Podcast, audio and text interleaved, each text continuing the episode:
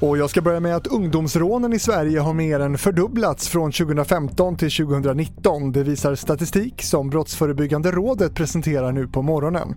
Störst risk är i närheten av storstädernas köpcentrum, det visar rapporten. Och de misstänkta gärningsmännen är i huvudsak också unga, mellan 15 och 20 år och antalet fall där flickor är misstänkta gärningspersoner har också ökat.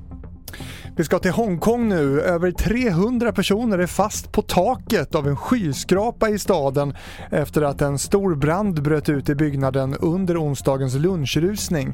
Det rapporterar South China Morning Post. Minst fyra personer har skadats och enligt polisen är det sannolikt att branden har startat i ett shoppingcenter i den nedre delen av byggnaden. Och sist om att efter kritik från Coronakommissionen så har fler sjuksköterskor anställts på svenska äldreboenden.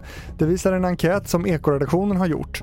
Kommissionen lyfter fram behovet av förstärkt medicinsk kompetens på boendena och enkäten visar att eh, runt en tredjedel av de drygt 200 kommuner som svarat har anställt fler sjuksköterskor under året. Och det var TV4 Nyheterna med Fredrik Rahlstrand.